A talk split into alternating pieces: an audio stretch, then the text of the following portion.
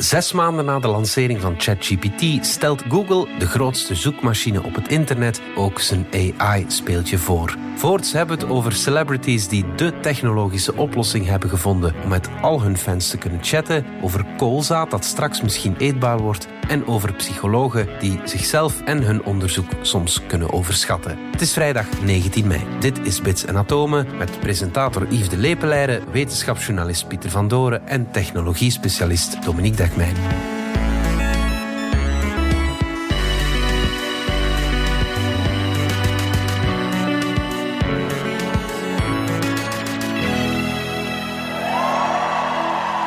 Pieter van Doren, Dominique Dekmijn, welkom. It's great to see so many of you here, and a huge thanks to the millions joining from around the world. As you may have heard, AI is having a very busy year. So we've got lots to talk about. Let's get started. Dominique, uh, Google heeft er een tijdje mee gewacht, maar ze hebben nu toch ook een AI-speeltje gelanceerd. Ja, uh, een heleboel uh, AI-aankondigingen. Het was eigenlijk een, een jaarlijks evenement I.O., waar dat typisch eigenlijk kondigen ze daar smartphones en nieuwe versies van Android aan. En dan is er altijd een of ander AI-gimmick de laatste mhm. jaren. Maar ja, dit keer was het duidelijk dat ze op het vlak van de AI iets moesten laten zien natuurlijk. Bijna zes maanden nu na de lancering van ChatGPT. En dat hebben ze ook gedaan. We have been applying AI to make our products radically more helpful for a while. With generative AI, we are taking the next step. With a bold and responsible approach, we are reimagining all our core products. Er was heel wat. You will hear more later in the keynote. Maar ze hebben het vooral heel die tijd over AI gehad. En niet zomaar over AI, maar over... Building and deploying AI responsibly. Responsibly responsible AI. Hè, dat zei baas Sundar Pichai heel de tijd. We are also deeply investing in AI responsibility. Bring AI in responsible ways to billions of people. Hij bedoelt maar gewoon van wij doen het op een verantwoordelijke manier. En iedereen anders die, die nu probeert de eerste te zijn, die zijn onvoorzichtig. Maar wij doen het op een verantwoordelijke manier. We are focused on building more capable systems safely and responsibly. En daarom duurt het misschien een ietsje langer, maar we zijn allemaal toch beter af. Dat was eigenlijk de boodschap. We have an opportunity to make AI even more helpful for everyone. En dat is overigens helemaal niet zo gek. Sundar Pichai, eh, de, de, de, baas van Google, is een hele slimme meneer. Die trouwens effectief, zoals hij het ook altijd benadrukte, al zeven jaar geleden zei: AI is nu de hoofdzaak voor Google. Google Photos. We introduced it at I.O. in 2015. It was one of our first AI native products. Breakthroughs in machine learning made it possible to search your photos for things like people, sunsets or waterfalls. En dat had hem al heel lang gezegd. Het is eigenlijk heel gek dat ze zich zo op snelheid hebben laten pakken en dat plots OpenAI en Microsoft met alle aandacht zijn gelopen. Want eigenlijk, ja, die transformer-technologie waar dan ChatGPT is op gebaseerd, dat is inderdaad technologie die bij Google is uitgevonden waar Google op zat te kijken van hoe gaan we dat nu uitbrengen. Het is toch wel een, het werkt niet helemaal. Het, het, het geeft soms foute antwoorden. Ja, dat kunnen wij niet maken. Seven years into our journey as an AI-first company, we are at an exciting inflection point. En ja, dus nu hebben ze het uh, dan toch gedaan. En ze, ze, hebben een beetje ja, de kool en de geit gespaard. Uh, en dat is eigenlijk nog zo gek niet.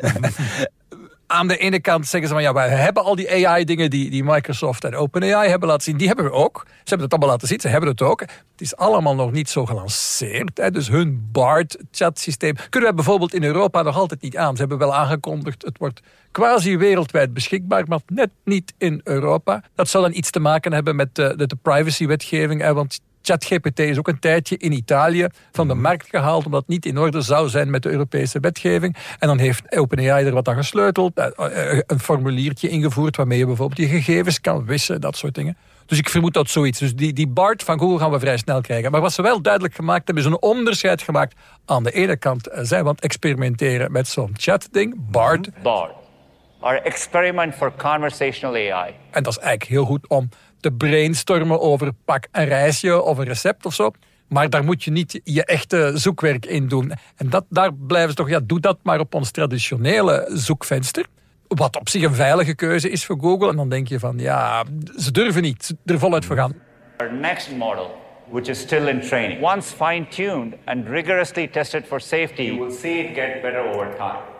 Maar toch, ze hebben een manier gevonden, ze hebben wat dingen laten zien, hoe dat die zoek functie zal evolueren, waardoor je af en toe toch zo'n tekstvenster hebt, dus zo'n antwoord à la ChatGPT of à la Bing gaat krijgen in, het Google, in de Google zoekmachine. Maar er staat dan telkens een waarschuwing bij dat dat experimentele technologie is. Dus ze houden een Ah ja, beetje, ja, Wat misschien niet iets achter de hand. Ik vind het, vind het helemaal niet zo dom.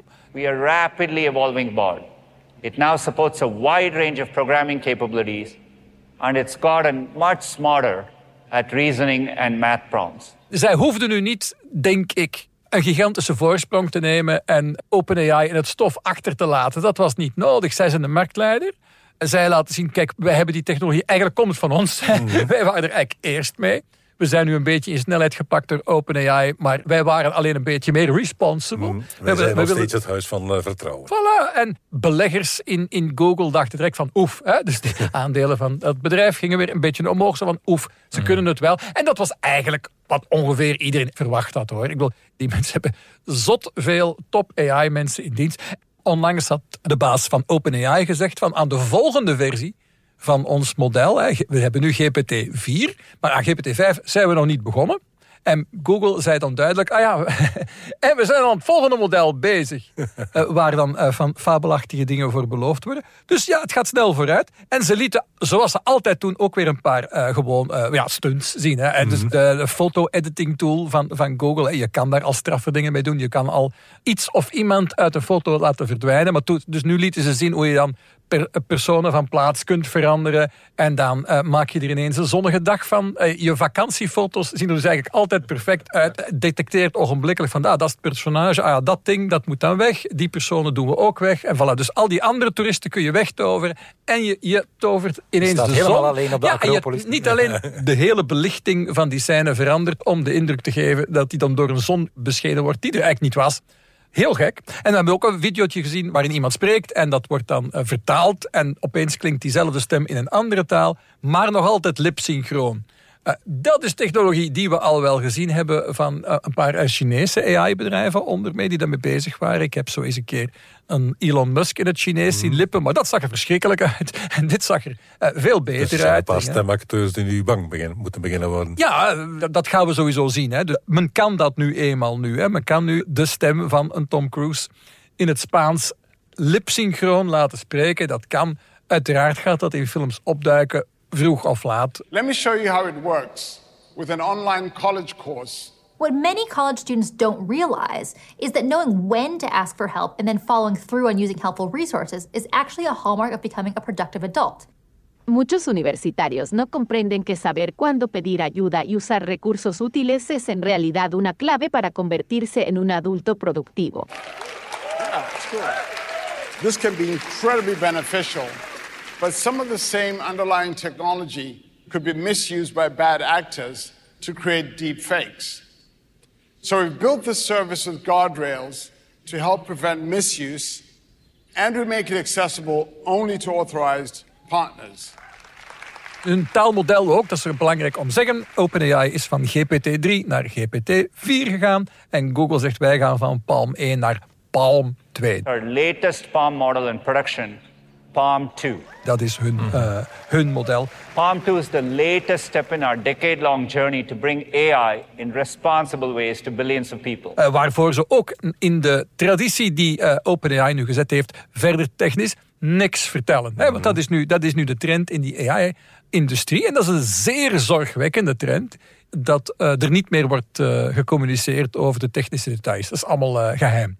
Tot GPT-2 in ieder geval was, werd, werd daar heel publiek over gedaan. En nu, ja, eh, van GPT-4 weten we letterlijk niks. En van Palm 2 weten we ook eigenlijk Ja, ze letterlijk voelen de niks. wet in hun nek krijgen Ja, natuurlijk. dan toch niet zo responsible. Ja, het verhaal is dan van we mogen het aan, aan iedereen anders niet te gemakkelijk maken om ons in te halen, want wij doen het op een verantwoordelijke manier, maar die andere mensen die mag je niet vertrouwen. Dat, dat is ook wat OpenAI zegt eigenlijk. Hè. Sam Altman, de baas van OpenAI, zegt van ja, ik maak me toch wel zorgen over al die bedrijfjes die ons proberen in te halen.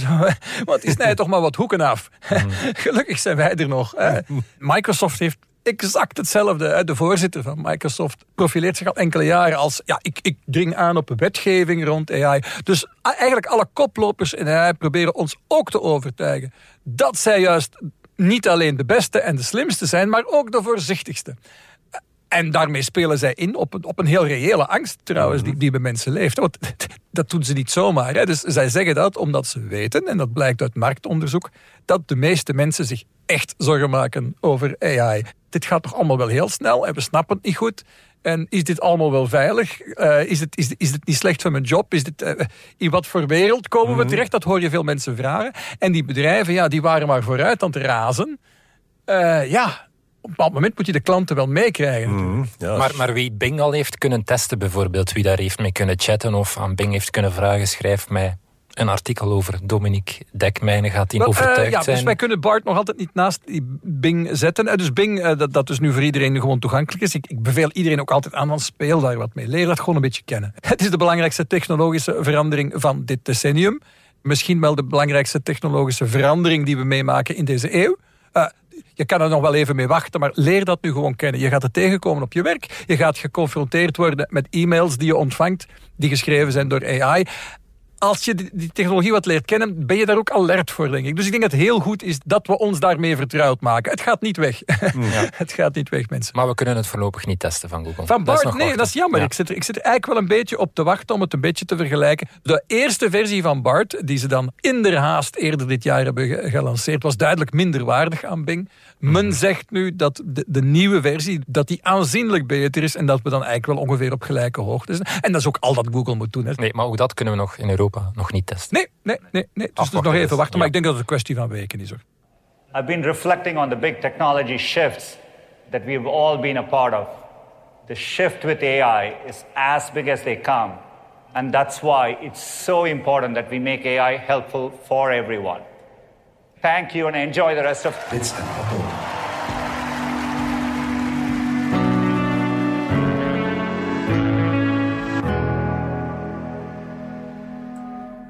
Pieter, jij komt ons het heugelijke nieuws vertellen dat wij straks allemaal koolzaad zullen eten. Ja, of dat lekker is, is weer een tweede natuurlijk.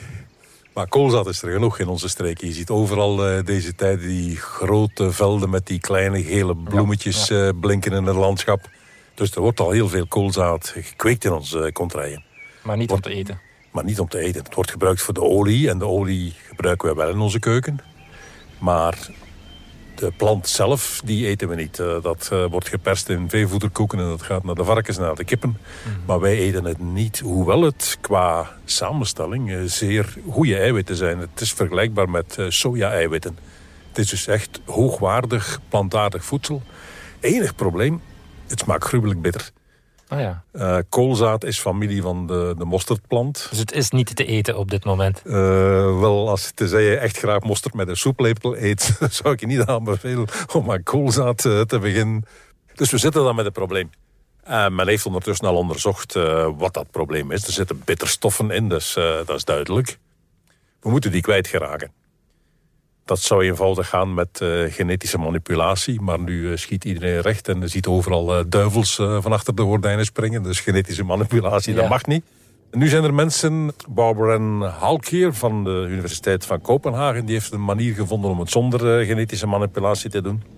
Welke zijn die bitterstoffen? Dat zijn glucosinolaten, om het in scheikundige termen te zeggen. En ze heeft gezien, die worden getransporteerd vanuit de plant naar het zaad. En als we dat transport kunnen blokkeren... dan kunnen we het zaad dat we persen voor de, voor de olie... kunnen we nadien wel opeten. Ja. Je moet alleen dat transport blokkeren. Ja. Dat transport wordt op zijn beurt gedaan door drie eiwitten. En die hebben ze een hele leuke naam gegeven. Usually multiple amino acids move in and out transporter. En als je daar de afkorting van uh, neemt, dan kom je aan umamid. En umami, dat is een van de vijf uh, fundamentele smaken. Dat is de, de hartige smaak, naast zoet, zuur, bitter en zout. Die eiwitten moet je dus te pakken krijgen. En ze hebben inderdaad een uh, puur chemische techniek gevonden om die eiwitten te blokkeren. De bitterstoffen gaan niet tot in het zaad. Je kunt het zaad persen en nadien de perskoek uh, toch gebruiken om te eten. En ze hebben het voorlopig gedaan bij uh, zandraket. Maar ze hebben het gedaan bij een andere plant, niet bij koolzaad. Ja, zeg het proefkonijn eh, van de plantkundigen. Alle plantkundig onderzoek wordt eerst op zandraket gedaan. Ah, ja. Is ook weer een uh, plantje uit die mosterdfamilie. Maar die plant is heel goed gekend, is gemakkelijk te kweken. Daar kun je in laboratoriumomstandigheden vlot mee werken. Dus je probeert eerst bij zandraket en wat je daar geleerd hebt, transporteer je dan naar wat je eigenlijk... Uh, dus dat is een garantie dat het ook lukt bij Het is geen garantie, maar het is een, uh, het is een goede start, laten we het zo zeggen. Ja. ja het is een verwante plant, ja, dus het hoeft niet eens zo moeilijk te zijn. Ja. Uh, volgende stap is dan natuurlijk dat je die plant ook op de markt moet gaan brengen. En die eiwitten ook op de markt moet gaan brengen. We zijn niet gewend om dat te eten. je gaat niet meteen recepten daarvoor vinden. Er zijn nu al wel wat tests gedaan waarbij je het in een uh, tomatensausje een beetje extra eiwitpoeder mengt. Mhm. Maar goed, eh, met een beetje tomatensaus gaan we er niet komen natuurlijk als we het echt grootschalig willen gaan eten. Dus ook daar is nog wat werk aan. Maar goed, we kunnen ervan uitgaan dat we binnenkort in de, de rekken waar alle groene hamburgers en uh, plantaardige burgers liggen, dat er nog een uh, ja, hokje bij komt. Ja, het vegetarisch palet kan er alleen maar rijker door worden. Ja, als ik moet kiezen tussen dat en dan een paar jaar geleden hadden ze ons verteld dat we allemaal van die insecten-eiwitten moesten gaan eten. Doe, doe, dat, doe me dat koolzaad toch maar, denk ik dan. in principe moet het vergelijkbaar zijn. De kwaliteit van de eiwitten zit op het niveau van de insecten-eiwitten. Alleen dit is een kwestie van, van marketing, van verkopen. En dat is heel vaak zo met uh, grote uitvindingen die technisch gezien uitstekend zijn, die het zouden moeten halen, maar die dan toch plat gaan op de markt, omdat ze te vroeg komen, ja. Uh, geen rekening gehouden hebben met smaak van de consument. Uh, ja, gebeurt vaak. Mm -hmm. Dus het is afwachten. Ja, maar kool, koolzaadolie kennen we toch al. En dan denk ik toch van, ja, dat, dus dat, dat zou, krijg je wel verkocht. Dat zou moeten helpen. Hè, ja. Met, met koolzaad-eiwitten, ja, dat, ja, het heeft een goede reputatie, koolzaadolie. Er zijn uh, koolzaadbedrijfjes die zich daar laten op voorstaan. Je kunt koolzaad mayonaise krijgen met die olie en zo. En uh, dat is goed voor je groene geweten. Dus ja, het, uh, de rest zal blijken. Straks hebben we het nog over de technologische oplossing voor celebrities om met al hun fans te kunnen chatten. Maar we gaan er eerst even uit voor reclame. Zit productontwikkeling in je DNA? Kom dan naar Advanced Engineering op 4 en 25 mei in Antwerp Expo. Laat je inspireren door 100 exposanten met innovaties in design, materialen, elektronica en keynotes van Microsoft, Atlas Copco en DAF Trucks. Ontdek er ook de laatste trends in AI, VR en product design. Advanced Engineering, 4 en 25 mei, Antwerp Expo. Reserveer nu gratis met de code DS23 op ae-expo.be.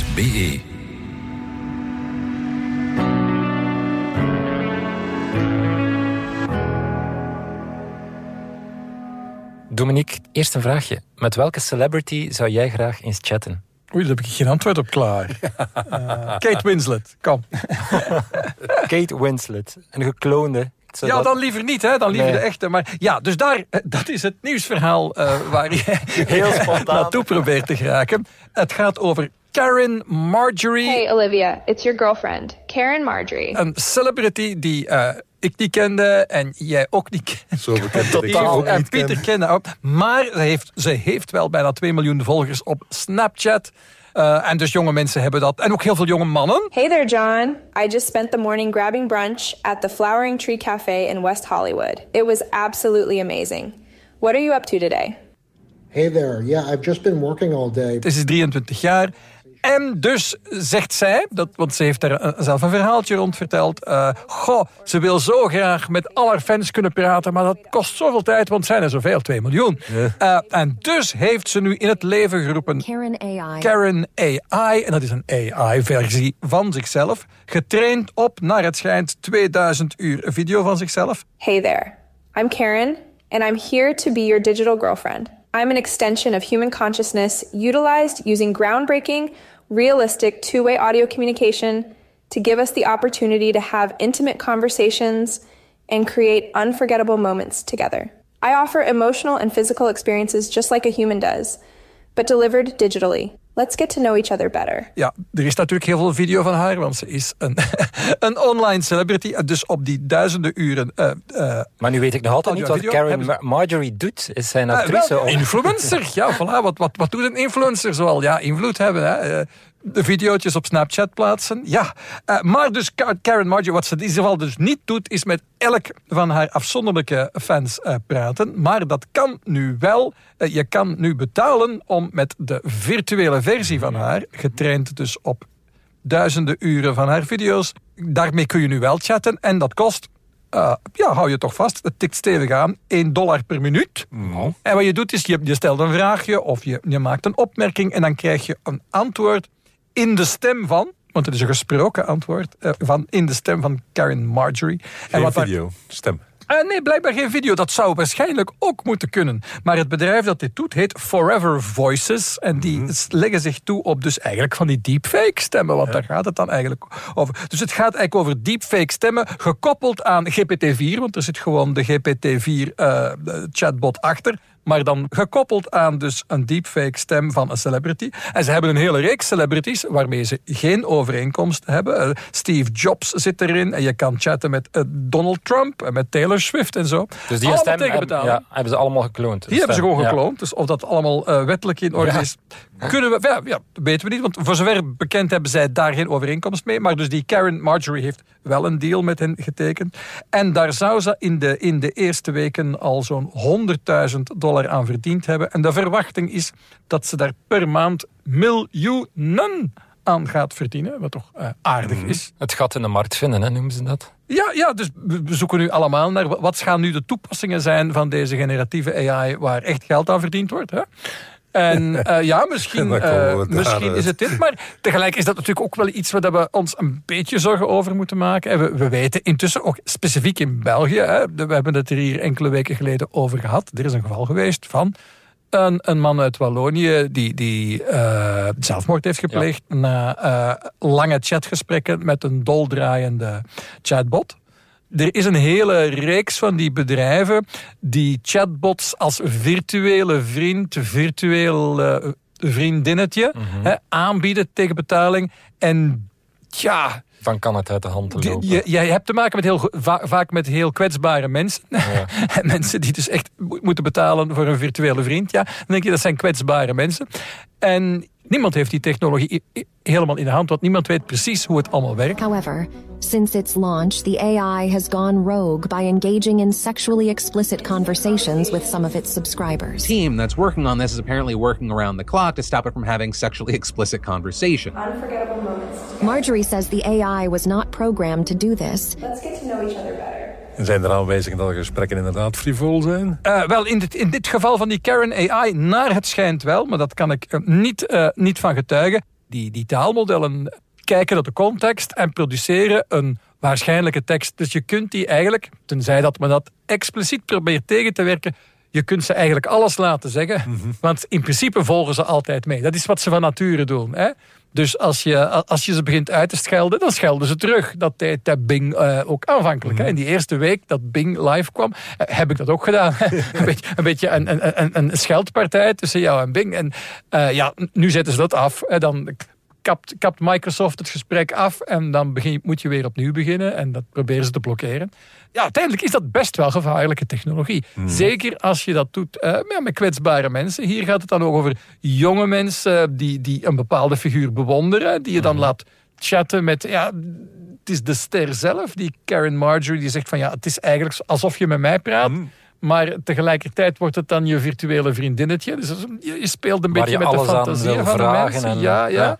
Dus echt, ja, los van het feit dat het eh, best wel grappig is op, op het eerste gehoor. Ja, echt, echt helemaal lekker zit dit niet. Hè? Nee, maar die Karen Marjorie ziet er blijkbaar geen graten in dat haar gekloonde versie dan van alles en nog wat Wel, die gaat kan vertellen aan wel, haar eh, fans. ja, nu blijkbaar hebben ze dus effectief gezegd dat, dat, dat, dat het eigenlijk niet de bedoeling was dat je daar echt sexy gesprekken mee kon hebben. Dat gaan ze dan proberen eh, te blokkeren. En daar gaat de winst naar beneden. Wellicht wel, maar het ziet er in ieder geval uit dat ze er toch nog genoeg aan kan verdienen.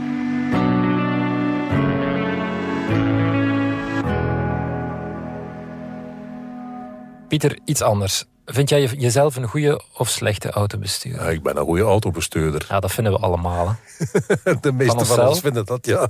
Maar misschien overschatten we onszelf allemaal. Ja, als je moet eh, zeggen hoeveel eh, procent van de mensen boven het gemiddelde zitten, is dat 50 procent. En 50 procent van de bestuurders zou onder het gemiddelde moeten zitten.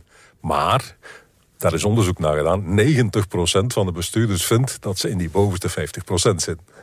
Dat wringt een beetje natuurlijk. Dus daar is iets aan de hand. En dat geldt niet alleen voor autobestuurders. Het eh, komt vaker voor dat inderdaad eh, mensen vinden dat zij beter zijn dan, dan gemiddeld. Er is onderzoek geweest in Amerika bij leerkrachten bijvoorbeeld. van de Amerikaanse leerkrachten vindt dat zij beter lesgeven dan een gemiddelde leraar. Ja. Hetzelfde fenomeen. En er zijn psychologen, uh, de heren Dunning en Kruger van uh, Cornell University, dus toch grote jongens, die daar onderzoek naar gedaan hebben, die dat fenomeen ook gezien hebben en gezegd, wat zou de reden daarvoor kunnen zijn?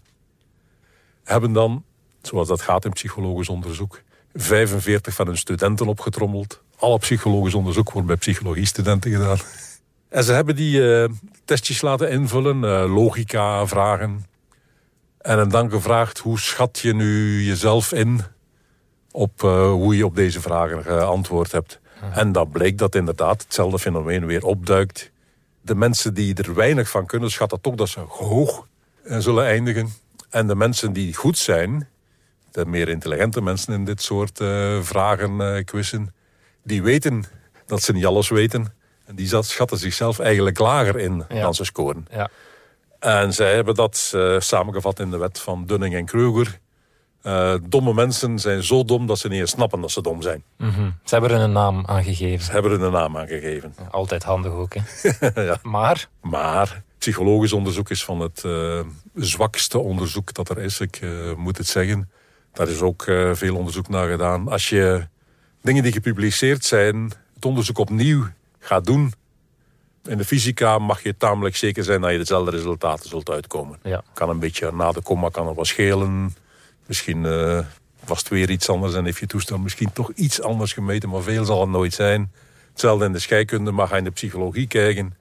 De grote meerderheid van de onderzoeken die daar gedaan zijn, kun je niet opnieuw afleggen en dezelfde resultaten krijgen. Dat, en hoe komt dat? De, de fysici zeggen natuurlijk, ja, die psychologen, dat is, uh, dat is halfzacht onderzoek. Dat uh, zijn geen echte wetenschappen. Uh, waarschijnlijk is het eerder dat het problematischer is om onderzoek bij mensen te doen dan onderzoek in de fysica.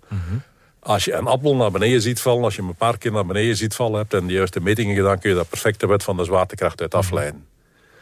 Appels zijn niet van plan van jou te bedriegen. Appels zullen geen sociaal wenselijke val doen. Die vallen gewoon naar beneden, basta. Appels zullen niet proberen om zo te vallen zoals ze denken dat jij graag had dat ze zouden vallen. Appels kunnen niet liegen. Allemaal dingen die mensen wel kunnen doen. En onder de mensen heb je ook nog het, uh, een percentage grapjassen... die gewoon, uh, als ze aan je onderzoek meedoen... proberen van je onderzoek te saboteren. Dus dat moet je allemaal meenemen. Plus, wat dat je meet bij die vallende appel... dat kun je heel duidelijk definiëren ik meet dat en ik kom dat uit. Bij psychologisch onderzoek is dat al heel wat dubieuzer. Wat is dat intelligentie? Hoe definieer je dat? En is de ene zijn definitie van, van intelligentie is die bruikbaar voor mijn onderzoek, waar mijn definitie misschien net iets anders is. Dus het is daar veel subtieler. En dat is ook waar uh, deze mensen nu tegenaan geknotst zijn. Uh, wiskundigen hebben die zaak nog eens goed bekeken. En die zeggen, vergeet het. Uh, wat jullie gedaan hebben, is kijken hoe mensen zichzelf beoordelen ten opzichte van anderen. -hmm. Niet ten opzichte van zichzelf. -hmm. Ze hebben onderzoek, of een vergelijkbaar onderzoek gedaan bij veel meer mensen. Met uh, 25 vragen in plaats van met 20, voor zover dat van belang is. Ook weer uh, moeilijke vragen waar dus uh, hoge abstracte intelligentie voor nodig was. En ze hebben dan, en dat is nieuw, eraan toegevoegd... telkens als je een vraag oplost moet je nadien één van drie bolletjes aankruisen. Ofwel, ik wist het. Ja. Ofwel, ik ben niet zeker van mijn antwoord. Of ik wist het niet. Mm. En dan schat je in wat je zelf gedaan hebt. Ja. En als je dan kijkt, dan zie je dat mensen heel goed kunnen inschatten hoe goed ze zullen scoren. Domme mensen, of dom in deze definitie dan, die schatten heel goed in dat ze niet, er niet veel van terechtgebracht zullen hebben. Intelligente mensen schatten heel goed in dat ze hoge cijfers zullen krijgen. Dan krijg je niet dat effect van dat domme mensen zichzelf hoog inschatten. Dat was ten opzichte van andere mensen. Ja. En dat hadden de psychologen in het eerste onderzoek gewoon niet dus de, vraag, de vraagstelling was gewoon De vraagstelling verkeerd. was verkeerd. En Ja. dat is in alle wetenschappen een probleem. Maar opnieuw veel vaker in, eh, in de menswetenschappen. Omdat het daar veel moeilijker is om de dingen exact en ondubbelzinnig te definiëren. Dus ja, Dunning en Kruger hebben er eh, gelegen. Dus de psychologen hebben zichzelf overschat in deze. Ja, ze zijn dommer dan ze denken. De start van de week. Good stage one ignition. To explore where no man has gone before. Pieter, de ster van de week. We hebben het al zo moeilijk om op deze aardbol met elkaar overeen te komen. Maar er is nu ook nog eens ruzie in het hol van Pluto. Ja. We hebben het deze keer eens niet over sterren, maar over uh, diva-gedrag. Over mensen die zich als uh, sterren gedragen. Wat is het probleem? Pluto was tot uh, kort geleden niet meer dan een klein grijs bolletje. Zo ver van ons vandaan dat je dat ook met de grootste telescopen niks kon opzien. Dus in 2006 heeft de NASA New Horizons uh, gelanceerd. Een satelliet recht naar Pluto toe. Die is daar in 2015 aangekomen. Is langs Pluto gescheerd en langs Charon, de maan van Pluto. Heeft daar schitterende beelden uh, van genomen. Heeft daar schitterende waarnemingen gedaan. PI, mom on Pluto 1. We have a healthy spacecraft. We've recorded data of the Pluto system we're outbound for Pluto. Kort nadien, in 2019, hebben ze hem nog langs een andere ijsdwerg uh, kunnen uh, laten gaan. En die zoeft nog steeds rechtdoor door wat men uh, de Kuipergordel noemt. Want ik moet eerst even misschien Pluto een beetje situeren. Rond ons zonnestelsel zweeft nog eens een ring van allemaal klein gruizels afval van het ontstaan van het zonnestelsel. IJs, en die ijsdwergen die vliegen in die Kuipergordel, dus rond het hele zonnestelsel, die zijn met honderdduizenden. En dat is nu net het probleem. Die New Horizons heeft nog benzine, om het zo te zeggen. Zou nog waarnemingen kunnen doen. Alleen, je moet hem ergens uh, langs kunnen laten vliegen. En nu zijn ze al uh, ondertussen weer vijf jaar aan het kijken van... zou er nergens hier in een steen zijn als wij nu een klein beetje afbuigen... dat we dan straks toch nog dicht genoeg er langskomen om hem nog te waar te nemen. En tot hiertoe hebben ze nog geen enkel ander ding gevonden... Dat dicht genoeg langskomt om voor hen ook langs te schuren.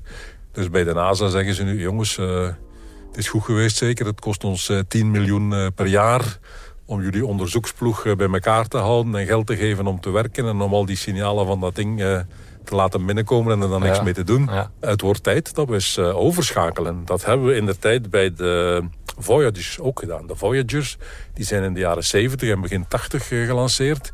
Waren de eerste die bij Saturnus en bij Jupiter langs geweest zijn. Hebben daar in de tijd schitterende beelden van gemaakt. De eerste beelden ook. En die zijn blijven doorvliegen. En ondertussen zijn die, hebben die allebei ons zonnestelsel verlaten zelfs.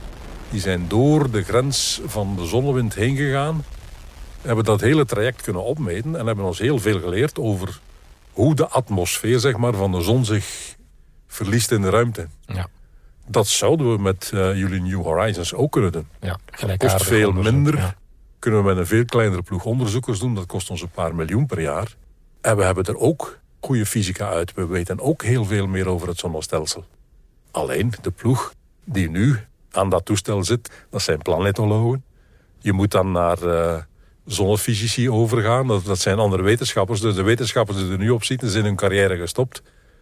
Om een toestel waar ze al jaren een gans hun carrière aan gewerkt hebben, af te geven aan een andere ploeg. Dat is altijd pijnlijk. En in dit geval uh, was het blijkbaar zo pijnlijk dat ze er heel uh, terugtig ruzie over gemaakt hebben. Dit soort dingen gebeuren nog. De NASA herziet regelmatig uh, onderzoek en kijkt regelmatig van zijn we nog nuttig bezig, besteden we ons geld goed. Af en toe wordt er onderzoek verschoven of worden dingen afgezet als ze niet meer genoeg opbrengen. Maar deze keer is het dus echt uh, ruzie aan het kot. En het, het, is tot in The Guardian geraakt. Uh, oei, oei, oei, de pers is erbij gesleept. En dus ego zit in de weg. Het ego zit in de weg. eind september 24 valt de hakbijl. En dan weten we wie van beide ploegen bezit mag nemen van, of houden van New Horizons. Tot dan, ruzie in het kot. Pieter van Doren, Dominique Dekmijn, ja. bedankt. Yes.